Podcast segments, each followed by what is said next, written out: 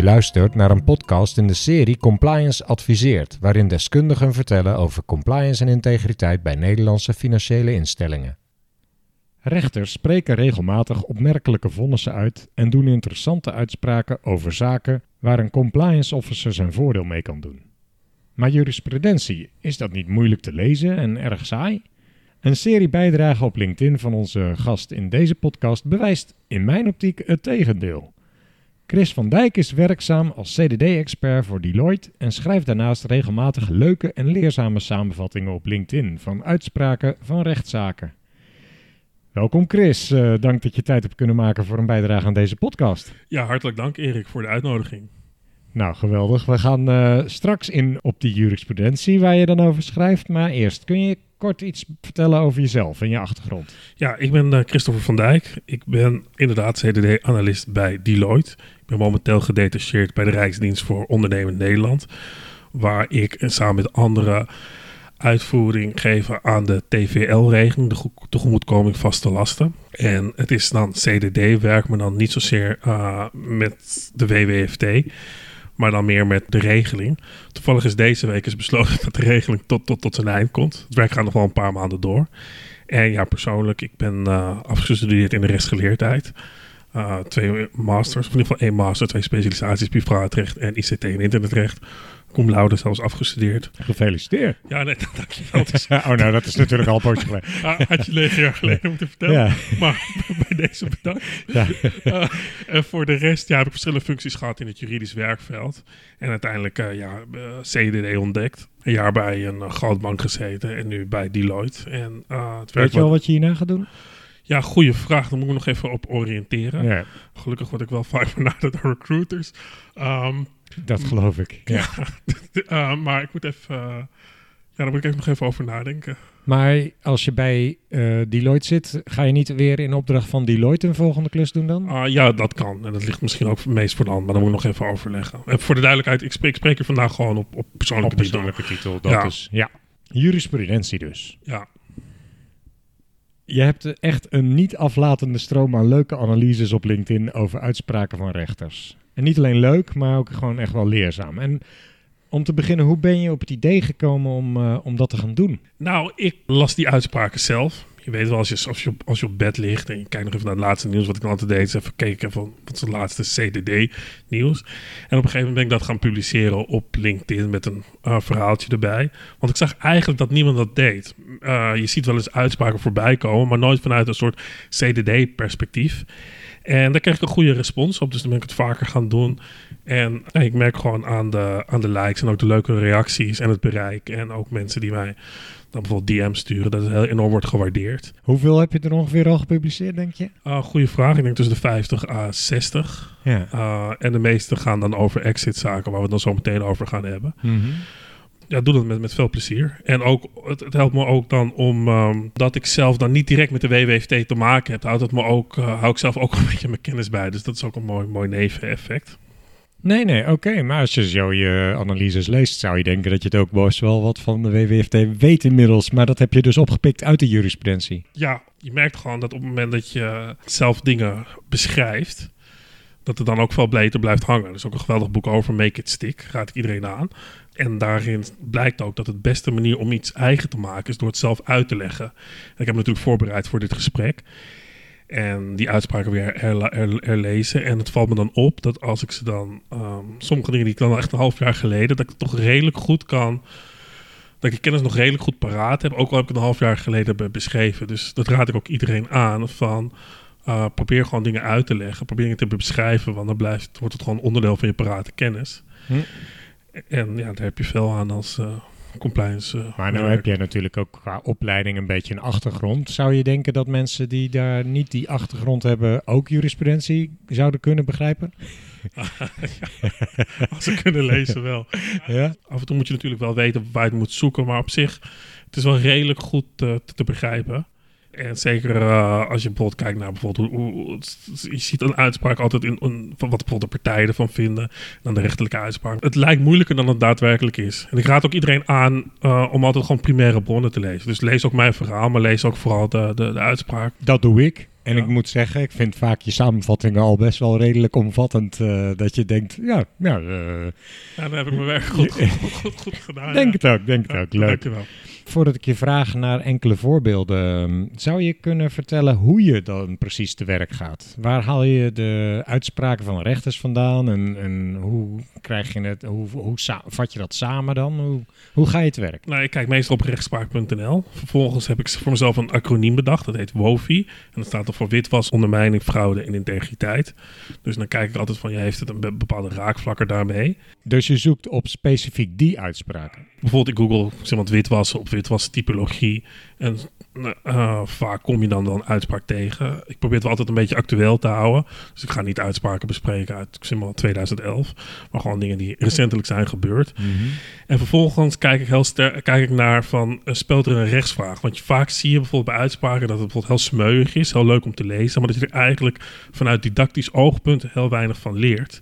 En wat ik altijd probeer te doen is natuurlijk het een beetje smeuig te maken, dat, dat het prettig leest, maar ook dat je er iets van meekrijgt. Dus daarom eh, begin ik altijd mijn verhaaltjes ook altijd met een, met een vraag die dan naar boven komt en dan probeer ik ook antwoord te geven op die vraag. Ja, dat maakt het inderdaad leuker leesbaar. Doordat je begint ook met de vraag, kan je dan zomaar afscheid nemen van deze klant of iets? Precies. Ja. Dan schrijf ik mijn stukje. Eh, meestal reserveer ik de maandagavond daarvoor. Eh, soms vaak denk ik ook, waar ben ik in hemelsnaam aan begonnen? Maar goed, Want je, nu, nu zit er ook druk op dat Ja, je elke maandagavond iets moet. ja. Ja. welke verplichting heb ik nu op mijn hals? Ja. Heb ik nu op me genomen? Maar goed, maar dan... dan, dan Herkenbaar. Ik zit ook maar voor eh, de Katse Viool deze podcasts te maken natuurlijk. Dus ja, we zijn eh, zielsverwanten, ja. ja dus dan ja, beschrijf ik dat dus op mijn telefoon of op mijn iPad. Dan laat ik het altijd even een dagje gisteren. Want raad ik ook iedereen aan die, die, die, die, gewoon, die gewoon op internet publiceert of gewoon stukjes schrijft. Publiceer het nooit direct. Laat, er altijd, laat het even rijpen, laat het even gisten. Ja. Wat ik vaak merk is als ik dan de volgende dag herlees, dat ik dan toch denk van hé, hey, dit, deze zin kan toch anders, deze alinea staat hier niet goed. En je merkt ook echt dat een tekst daardoor beter wordt. Want ja. Ja. goed schrijven is ook heel veel eh, schrappen. Ja. Zoals eh, Hemingway wel eens zei van easy reading is difficult writing. Dus als, Ja. als de lezer het goed wilt begrijpen, of als je denkt van hé, dit leest prettig weg, dan moet je, kijk er vaak van uitgaan. Dan dat, is er veel werk aan besteed. Inderdaad. Dus, Ja. nou, dus dan probeer ik het een beetje bij te schaven en het verhaal en dan druk ik op de publicatieknop. En dan eh, ja, wacht ik de reacties af. En het is altijd leuk als, een- als een post ja, viraal gaat. Een van mijn laatste berichten die had dan bijvoorbeeld iets van 250 likes. En dan zie je ook een bereik van 15.000 mensen. Dus Ja, dat is enorm. ja, nee, zeker. Ook omdat je natuurlijk ook indirect mijn deskundigheid ermee adverteer. Ja. En dat is een mooi ook, ook neveneffect eh, daarvan. Zoals ik al zei, ik merk gewoon dat, eh, nou, dat, dat het ook gewoon wordt gewaardeerd. En dat mijn stukjes zelfs worden besproken tijdens trainingen bij, eh, bij banken en zo. Wat voor mij ook je bijdragen erg leuk maken en leuk om te lezen is, eh, en daar merk je vind ik ook aan dat je best wel ook boven de stof staat vaak. Dat je een ingewikkelde zaak toch ook nog weer met een leuke twist weet te brengen. Bijvoorbeeld dat er een of andere klant bij was bij een financiële instelling waar eh, red flags eh, tot in. eh, en dat je dan schreef, even denken hoor, wat ging het? dat was, er waren zoveel red flags als in een Chinese vlaggenparade. Ja. dat verzin je dan ook ter, ter plekke erbij? Of, Nou, ik eh, heb het toevallig eens een keer iemand horen zeggen. Dus ik moet eh, hier wel credits voor credits due. nou ja, je moet, wel, je moet wel de link leggen dan. ja, ja. in- in- inderdaad, maar ik, ik hoorde het eens keer, dus dat bleef even hangen. Dus toen ik het woord red flag zag, dacht ik, oh ja, dat zinnetje. En ik probeer ook, ja, een beetje heel flauw, maar een beetje woordgrapjes. Ja, zoals ABN kreeg een tikkie op de vingers.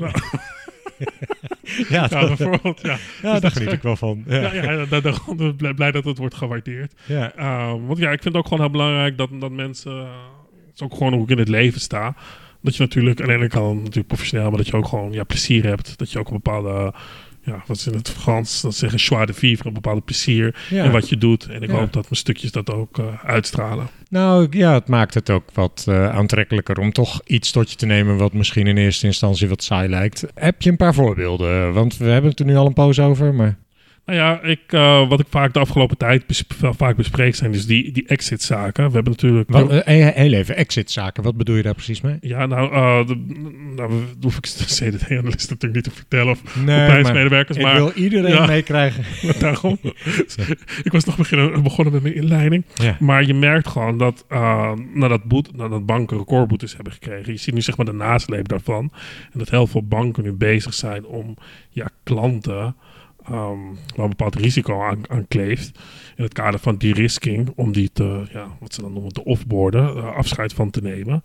En ja, ik vind dat proces heel interessant om dat ja, te, zien, hoe, hoe dat dan aan welke juridische criteria het wordt getoetst. Ja, want wat er dan gebeurt is dat zo'n klant zegt... ja, maar ik word eruit geknikkerd, maar dat is onterecht. En dan uh, start hij een rechtszaak. Precies, vaak is het een kort geding... omdat een klant dan ineens wordt geconfronteerd met het feit... dat hij, nou, ja, dat, dat hij geen bankrekening heeft. Ja. En ja, ik, ik vind het heel, heel, heel, spannend om dat te lezen. Omdat de rechter bij een kort geding uitspraak wordt er gekeken naar... Uh, wordt er zo'n belangenafweging gemaakt. Er wordt nog niet definitief recht gesproken. Dat wordt pas in een bodemprocedure. En um, wat je dan ziet is dat de lat best hoog ligt, ligt om klanten te off, of te borden. Uh, je ziet gewoon dat, dat banken vaak uh, baksen halen. Ik kan even drie voorbeelden geven. Ja, graag. Nou, was bijvoorbeeld een voorbeeld van, van de Rabobank. En die hadden te maken met een koffieshop. En het koffieshop was voor weinig een koffieshop in het midden van, uh, van het centrum van Amsterdam. En het schijnt trouwens de grootste koffieshop ter wereld te zijn. Zo. Oh, ja, je moet die foto's opzoeken op, uh, uh, op Google. Het is een soort, ja, een soort ja, Disney-achtige plek. Of in ieder geval een soort, soort, soort, soort hoe heet het? Ik kom niet even op de naam, maar zo'n plek waar kinderen dan overblijven. Uh, overblijven. Uh, een soort kinderopvang. Ja, kind, ja, ja kind, kinderopvang. Ja, met die lichtjes. En, uh, maar goed, maar op een gegeven moment wilde de Rabobank, die zag dat, dat, dat die koffieshop voor een habbekrats van, van de hand was gedaan. Ja, dat vonden zij vreemd. Daarom wilden ze afscheid nemen van de klant. En dat speelde mm. nog meer. Zullen sowieso niks met koffieshops te maken hebben. Mm -hmm. Toen werd het voor de, bij de rechter voorgelegd. En de rechter die zei eigenlijk van... hé, hey, wacht eens even. Het, is, het heeft gewoon een hele plausibele reden... dat die koffieshop voor een halberkat van de hand werd gedaan. Dat is namelijk omdat uh, de burgemeester... die wil dat soort koffieshops uit het centrum weren. Mm. Dus, en omdat er zoveel onzekerheid daarover is... dan was ook de marktprijs uh, naar beneden gegaan. En bovendien mochten ze koffieshop niet categoriaal uitsluiten. Dus nou ja, dat is nog een mooi voorbeeld van een bank die dan bakzaal haalt. Ja, dus Rabobank mocht geen afscheid nemen. Uh, nee, voorlopig niet. Of in ieder geval op basis van deze informatie was dat eigenlijk te, te, te, te mager. Mhm. Nou, een ander voorbeeld die ik dan afgelopen week besprak, dat was dan, ging dan over twee Armeense broers. Die zaten in de wit en bruin goed. Dat is wel leuk, dus ook wit was. Het kader van wit was. ja. Wit was, eh, sorry, wit en bruin goed. Ja, inderdaad. Uh, maar op een gegeven moment deden ze aan autohandel. Dat deden ze in het verleden ook, maar ze hadden tegen de Rabobank gezegd van, hé, hey, dat doen we niet meer. Maar op een gegeven moment gingen ze dat wel doen. En ja, de Rabobank daarvan te informeren, daarover te informeren. Precies. En um, nou, de Rabobank was natuurlijk not amused en sprak van een vertrouwensbreuk. En die klant wilde ze, dan, wilde ze dan ook afscheid van nemen. Maar toen zei de rechter van nee, geef ze dan gewoon een andere risicoclassificatie mee. Ik bedoel, je hoeft ze niet daarvoor uh, te of te borden. Ja, een ander mooi voorbeeld is, die besprak ik dan deze week. Dat was dan bijvoorbeeld met de, met de, met de medische groothandel in Bonaire. En de ABN AMRO zei tegen hen van ja, het is eigenlijk... om jullie als klant te hebben, kost ons gewoon te veel geld. In het kader van die WWFT-verplichtingen. Dus ze wilden er afscheid van nemen. De rechter zei ja, dat dat geen reden mag zijn om een klant te, te exiten. Dit zijn drie voorbeelden van zaken waarbij de rechter uh, het exit ongeldig verklaarde. Ja. Je zie je ook voorbeelden waaruit blijkt dat het wel toegestaan wordt? Ja, nou, absoluut. Nou waar, waar dan op gelet moet worden is inderdaad die red flags. Zijn er daadwerkelijk witwasindicatoren? Een van mijn favoriete uitspraken die ik uh, ja, inmiddels al een half jaar geleden besprak. Dat was met een Rotterdamse ondernemer. En die had echt, echt een hele korte tijd een miljoenenbedrijf uit de grond gestampt. Ja, om je een idee te geven, dat ja. Jeff Bezos of Mark Zuckerberg die, die deed. dus uh, maar, dat was wel echt ja, een ondernemer. Ja, inderdaad, maar het gekke was dat ze ook flinterdunne marges hanteerden. En ook hele onlogische bedrijfsmatige keuzes maakten die eigenlijk gewoon onnodig kostenverhogend waren. En uh, dus de Rabobank die ondervroeg haar. En vervolgens kwam ze met hele Cruyffiaanse uitspraken van... ik maak liever een beetje winst dan geen winst. En niemand Zelfs de accountant wist niet wat het verdienmodel was. Oh ja, want ik herinner me dat die dame, die ondernemer, die had ook gezegd... nou, vraag het dan maar aan mijn accountant. Ja, Kennelijk begreep ze het zelf ja, ja, die maar die accountant wist het ook niet. Nee, inderdaad. Ja. Dus uiteindelijk eh, zei de rechter van ja, op jou als klant rust de bewijslast. En daarom mocht ze geoffboard worden. Speelde ook een hoop. We kunnen ook even die uitspraken eh, onder de show notes van deze podcast leggen. Ja, ik denk dat dat wel aardig is. Want het is inderdaad leuk om ze verder door te nemen. Want er zitten best wel veel leerzame details in die je kan gebruiken in je CDD-werk. Hè? V- Toch? Ja, absoluut. Heb je een voorbeeld misschien zo? Nou ja, kijk, in het verleden heb ik natuurlijk ook wel eens een klant gehad. Van ik dacht, hè, hoe, verdient hij zijn geld mee? En de fout die ik achteraf maakte, dat, ik- dat, dat ik me er echt helemaal in ging verdiepen. Van oké, hoe wat zijn de marges en zo kloppen die. Maar achteraf had ik hem, zeg maar, dat werk moeten laten doen. Van leg jij eens even uit hoe jij je geld verdient. Mhm, Dus ja. achteraf, als ik dan met deze uitspraak in de hand, zou ik het anders hebben aangepakt. Dus, ja, dat, ja. dus dat, dat is gewoon heel erg nuttig voor, voor eh, CDD-analisten. Goed voorbeeld. Die, die dit beluisteren, is dat je een referentiekaart ontwikkelt van... Oké, dus stel dat je bijvoorbeeld een koffieshop als klant hebt... en je leest dan zo'n uitspraak van een, van een koffieshop... van oké, wat houdt bij de rechterstand en wat niet? ja. Want Ja. sommige argumenten kunnen bijvoorbeeld heel veelbelovend klinken... maar die houden dan in de, in de rechtszaal helemaal geen stand.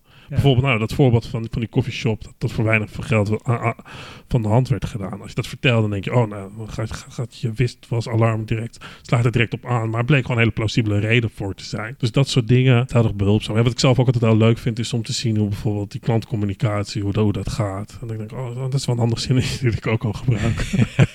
Ja, want in die rechtszaken... eh, Kijk, banken zijn er natuurlijk over het algemeen niet zo heel erg happig op om te vertellen op wat voor manier ze te werk gaan. Maar Ja. uit de jurisprudentie blijkt ook heel duidelijk hoe banken die CDD-processen uitvoeren. Ja, daar krijg je wel een hele goede kijk op. Dat is ook een beetje het vreemde. Dat aan de ene kant is het natuurlijk al, allemaal heel geheimzinnig. Dat wat banken doen. En op een gegeven moment heb je zo'n uitspraak en het staat gewoon allemaal open en bloot. Maar dat is Ja. natuurlijk ook, ook met, met een reden.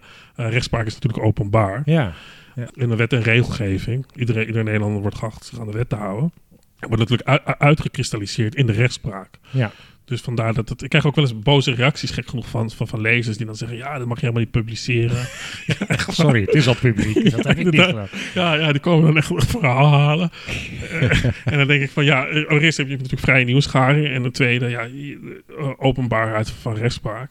Dus Ja. daar- daarom is het heel om, da- om daar kennis van te hebben. En weet ook ja, aan welke criteria het wordt getoetst. Want ja, het is nog re- redelijk nieuw. Je- Dat zie je ook als je kijkt op, op, op rechtspraak.nl. En je tikt en je tikt bijvoorbeeld WWFT. En dat eigenlijk pas de, de meeste uitspraken zijn van recente datum.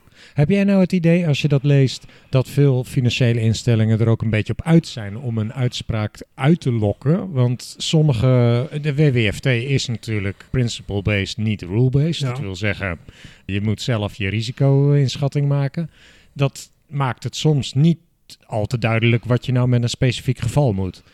Zijn financiële instellingen er, als je dat zo leest, soms op uit om een rechter dan een uitspraak te denk laten dat het is geen gekke overweging, maar ik denk het niet. Want vaak zie je dat het juist de, de, de geoffboorde klant, de klant die, die weg wordt gestuurd, Die, dat- die begint de zaak. precies, dat, Ja, die, is, dat die, is, is- die is vaak de eisen. Dus dat ligt niet voor de hand. En bovendien, wat je op rechtspraak ziet, eh rechtspraak.nl is maar 1 twintigste, heb ik me laten vertellen, van wat er daadwerkelijk aan rechtspraak wordt gepubliceerd.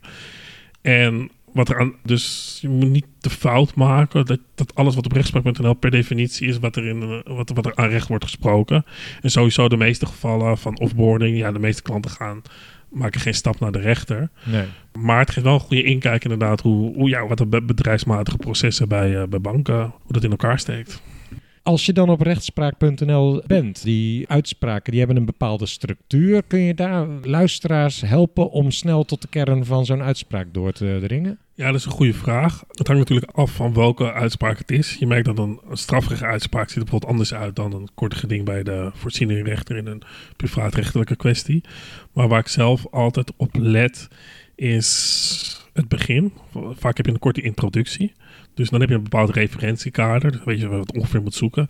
En naar de beoordeling van hoe het uiteindelijk wordt besloten. En dan kun je met terugwerkende kracht lezen van... oké, wat, wat, wat, wat brengen de partijen?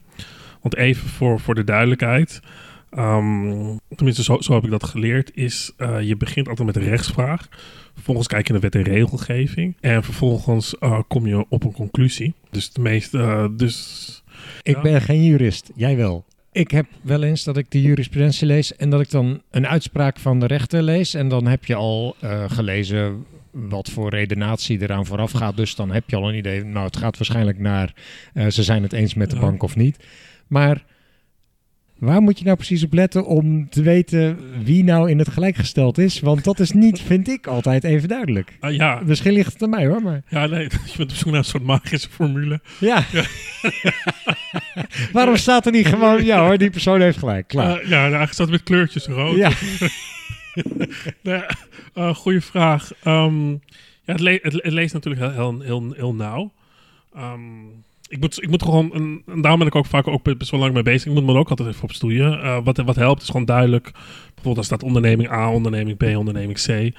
Om dat gewoon even op papier te zetten. Oké, dus die... Wie, wie is. Van precies. precies. Goeie, ja. En dat is getuige 1, dat is getuige 2. Eh, en dit, dus dat, dat helpt om het een beetje duidelijk voor jezelf te maken. Wat ik ook wel eens doe, is dat ik bijvoorbeeld met sommige uitspraken... is bijvoorbeeld een persbericht, dus dan lees ik dat eerst. En dan heb je al een bepaald referentiekader... dat je ongeveer weet waar het over gaat. En dat je niet... Kijk, als jij bijvoorbeeld een gesprek hoort tussen twee mensen... en je weet niet waar het over gaat daarom kan je het gesprek moeilijk duiden. Maar als iemand bijvoorbeeld zegt van oké, deze twee mensen hebben een gesprek over um, waar ze op vakantie gaan. Dan weet je al van oké, vandaar dat die persoon dit of, of dat zegt. Dus hmm. dat, dat, dat kan ook helpen. En daarom zijn denk ik ook mijn, mijn, mijn inleiding ook best, best uh, nuttig. Omdat je dan al ongeveer begrijpt waar wij het ongeveer zoek, zoeken moet. Ja, helpt uh, wel, ja. Ja, in, ja. In, in, inderdaad. Merk je nou ook grote verschillen in kwaliteit in hoe het beschreven wordt? De ene rechter zal misschien wel duidelijker zijn met zijn uitspraak dan de ander. Nou ja, je merkt, het, ik vind daarom kort, kort geding uitspraak heb ik altijd wel heel goed beschreven. Omdat altijd de, de standpunt van beide partijen duidelijk wordt. En ook vaak ook een rechtsvraag. Dat heeft vaak ook een urgent belang. Dus ik vind die zelfs meestal heel nuttig om die, die, die te gebruiken. Zie je nou ook uh, bepaalde ontwikkelingen die opvallen in jurisprudentie? Of uh, hè, even met het oog op de toekomst, zou je kunnen vertellen waar het heen gaat? Ja, dat is een goede vraag. Ik denk, nou kijk, we hebben natuurlijk een stuurmeer. Dat heb ik ook van verschillende mensen begrepen in de bankaire wezen, uit de bankaire wezen, dat er heel veel exit-uitspraken aan zullen komen. En dus dat zullen heel veel zien. En ik ben ook dus jij krijgt het nog druk. Ah, ja. Fijn dat jij ze dan leest voor me.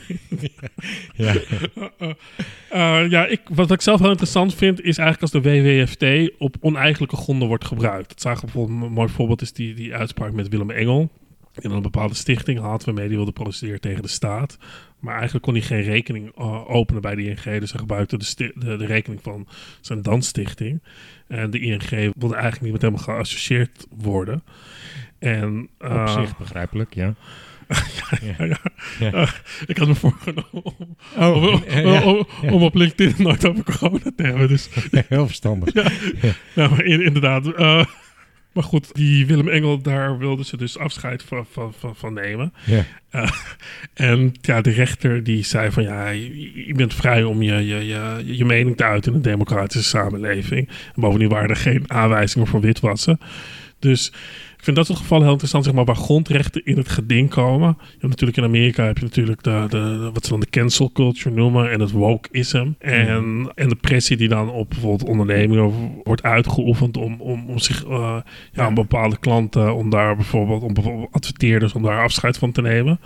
En het daarbij best succesvol. Zijn we bekend. Ja, ja. ja. Dus, dus ik ben wel nieuwsgierig. En je ziet dat ook wel. Bijvoorbeeld was ook recentelijk ook een, een, een pedofiel die dan dacht de, de, die achter de pedopartij stond. Of dat dat op ja. en, Nelson, als ik me niet vergis. Martin?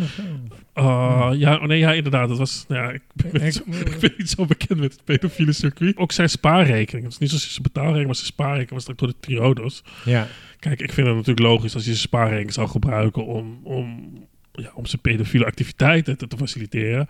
Maar in dit geval was het gewoon omdat de bank zich niet met... Precies, er is er geen rechtspraak over geweest. Maar ik denk dat we dat vaker gaan zien van klanten die dan, waar een bank zich niet mee wil, wil associëren, die dan... Uh, ja, en dat wordt dan onder de noemer van WWFT gebracht, terwijl dat eigenlijk helemaal niks precies, met WWFT te maken precies, heeft. Precies, daar zijn, want ja, want dat is zeg maar, daar gaan die uitspraken ook, ook vaak over. Ja, maar dat is dan ook wel weer interessant, want volgens mij dringt de Nederlandse bank er vaak wel op aan bij banken van denk nou aan je reputatie en zorg dat je ook daar een analyse op doet. Ja. In hoeverre kan dit de reputatie van onze bank schaden? Precies, nou, vind ik het niet zo raar dat, me, dat banken gaan denken... dat soort partijen willen we niks mee te maken hebben. Maar die kun je dus niet onder de WWFT uh, exiten. Ja, uh, nou, voor, daar is de WWF niet voor bedoeld. Als er nee, indicaties zijn voor witwas of terrorismefinanciering, ja. kan je mensen... En er was er ook recentelijk ook een heel interessante uitspraak, pardon, een heel interessant artikel over van het NRC.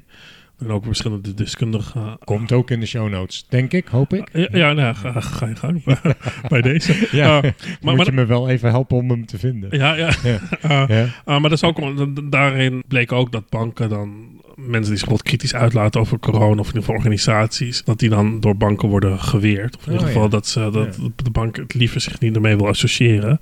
En ik, ik, denk dat we dat soort uitspraken natuurlijk in de toekomst uh, meer, meer zullen krijgen. We gaan het in de gaten houden. Ja, Nog andere ontwikkelingen? Vaak gaan we stukjes gaan in, indirect over, natuurlijk over de zorgplicht van een bank. Kijk, in wezen staat contractsvrijheid natuurlijk voorop in het, in het privaatrecht. Je bent vrij om iedereen een overeenkomst aan te gaan. Maar het probleem is natuurlijk dat een bank is natuurlijk... Um, uh, wat Meer dan, een nutsfunctie. Precies, dat noemen ze dan de speelfunctie van een bank. Mm -hmm. Kijk, je hebt natuurlijk een bank nodig om je, om je belasting te betalen. Ja.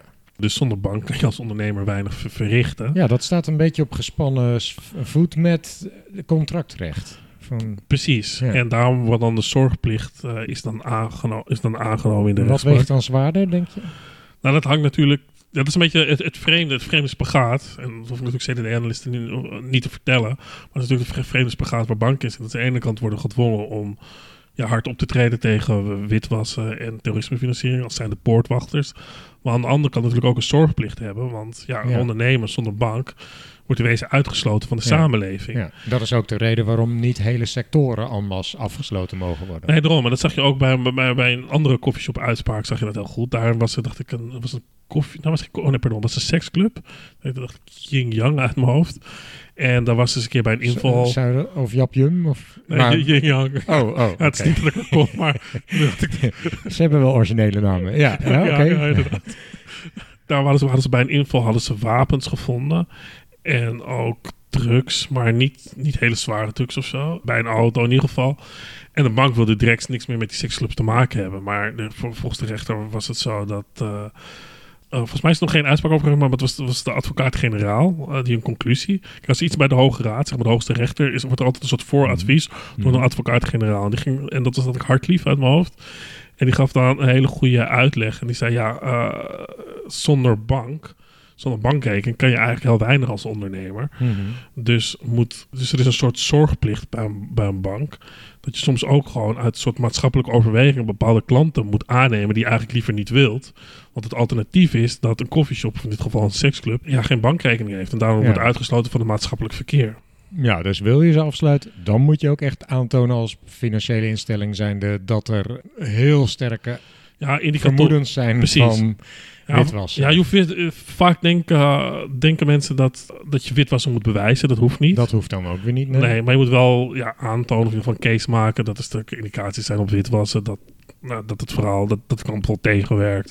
En dat je daarom de WWFT-plichtingen als bank zijn niet kunt naleven. Hoe zie je voor jezelf de toekomst wat betreft deze bijdragen op LinkedIn? Wil je er nog iets bijzonders mee gaan doen verder? Of uh, blijf je het gewoon doen zoals je het nu doet?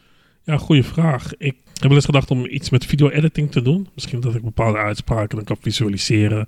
Zeker als er bijvoorbeeld um, ja, complexe juridische structuren zijn. Dus ik volg nu een soort cursus video-editing. Oh, wat leuk. Ja, ja, ja. ze zijn online zijn echt geweldige diensten die dit uitleggen. Ik heb daar ook speciaal een iPad Pro voor aangeschaft. En op. Dus zo, zo. Ja. Maar goed, ik wil geen verwachtingen scheppen. Nou, die zijn er nu wel natuurlijk. Ja. dat mensen over een half jaar denken, hé, wat blijf je in video's? Maar uh, dat, dat, dat lijkt me wel leuk te doen. Ja, en professioneel, ja. Dat, ja ik, heb, ik heb al gemerkt dat, dat het leven is natuurlijk dynamisch. Ik kan natuurlijk je hele toekomst uitstippelen. Maar het lijkt me inderdaad wel leuk misschien in de toekomst iets met inderdaad dat offboarding uh, te doen. Ja. Um, omdat natuurlijk ook heel veel werk uh, zit en om gewoon echt te zien hoe het echt daadwerkelijk in de praktijk gebeurt. Ik heb natuurlijk ook toen ik bij een goudbank zat, ook met lastige klanten te maken gehad. Maar ik heb niet, niet dat daadwerkelijk proces meegemaakt van oké, op welke criteria wordt dan een klant geëxit. Mm Dus dat, lijkt me wel interessant. Ja. Ja, voor de rest, ja, zoals ik al zei, de toekomst is dynamisch. Dus ik hmm. wil niet. Ja, ik hoop dat je het in ieder geval ook zo leuk houdt, houdt uh, zoals nu. ja, ja. Dank, dankjewel. Tot slot, aanhakend op de titel van deze podcast, heb je nog een heel belangrijk advies voor onze luisteraar? Ja, dat is een hele goede vraag. Ik heb er ook echt lang over na moeten denken. Want je vraagt natuurlijk ook eerder gesteld aan andere gasten. Mm Waar ik zelf heel veel aan heb gehad, is, is iemand die beschreef het leven wel eens als amateurtennis. Laat me dat even uitleggen. Kijk, je hebt professionele tennissers en zij winnen een wedstrijd op basis van de punten die zij maken. Maar bij amateurs wint degene die eigenlijk de minste strafpunten maakt. Minste fouten maakt. Ja, minste fouten. Ja, oké, maar dat strafpunt komt op hetzelfde neer. Oké, oké. Uh, ja. Uh, dus vaak win je. Dus degene die wint is gewoon degene die inderdaad de, de, minste fouten maakt. En ik dacht van, hé, hey, dat is ook gewoon een mooie metafoor voor het leven. Vaak is het niet zozeer iets wat je, wat je moet doen, maar eerder wat je, wat je kunt laten, wat je beter niet kunt doen. Ja. Een voorbeeld is gezondheid. Je kan natuurlijk het beste dieet en de beste sport. Maar ik denk dat de meeste gezondheidswinst momenteel te behalen is bijvoorbeeld door niet te roken. Ja. Ja. En, en zo zijn er wel meerdere dingen, omdat het niet zozeer draait om wat je doet, maar vooral wat je, wat je, wat je laat staan. Bedankt voor deze bijdrage, Chris. Ja, nee, in ieder geval hartelijk dank voor de uitnodiging. Ik hou je in de gaten op LinkedIn. Volg uh, Chris van Dijk op uh, LinkedIn, zou ik zeggen. Heer, heer. Dank dat je luisterde naar Compliance Adviseert. Heb je met plezier geluisterd? Volg dan op LinkedIn de pagina van Compliance Adviseert. En kijk even op onze website complianceadviseert.nl. Laat daar meteen even je e-mailadres achter, zodat je een update ontvangt in je mailbox zodra er weer een aflevering klaar staat om te beluisteren. Heb je een vraag of aanvulling? Laat dan ook even een reactie achter op de LinkedIn-pagina of de contactpagina op onze website. Ik zal het met plezier lezen en wellicht kunnen we op die manier nog meer compliance kennis delen. Heel graag tot de volgende podcast.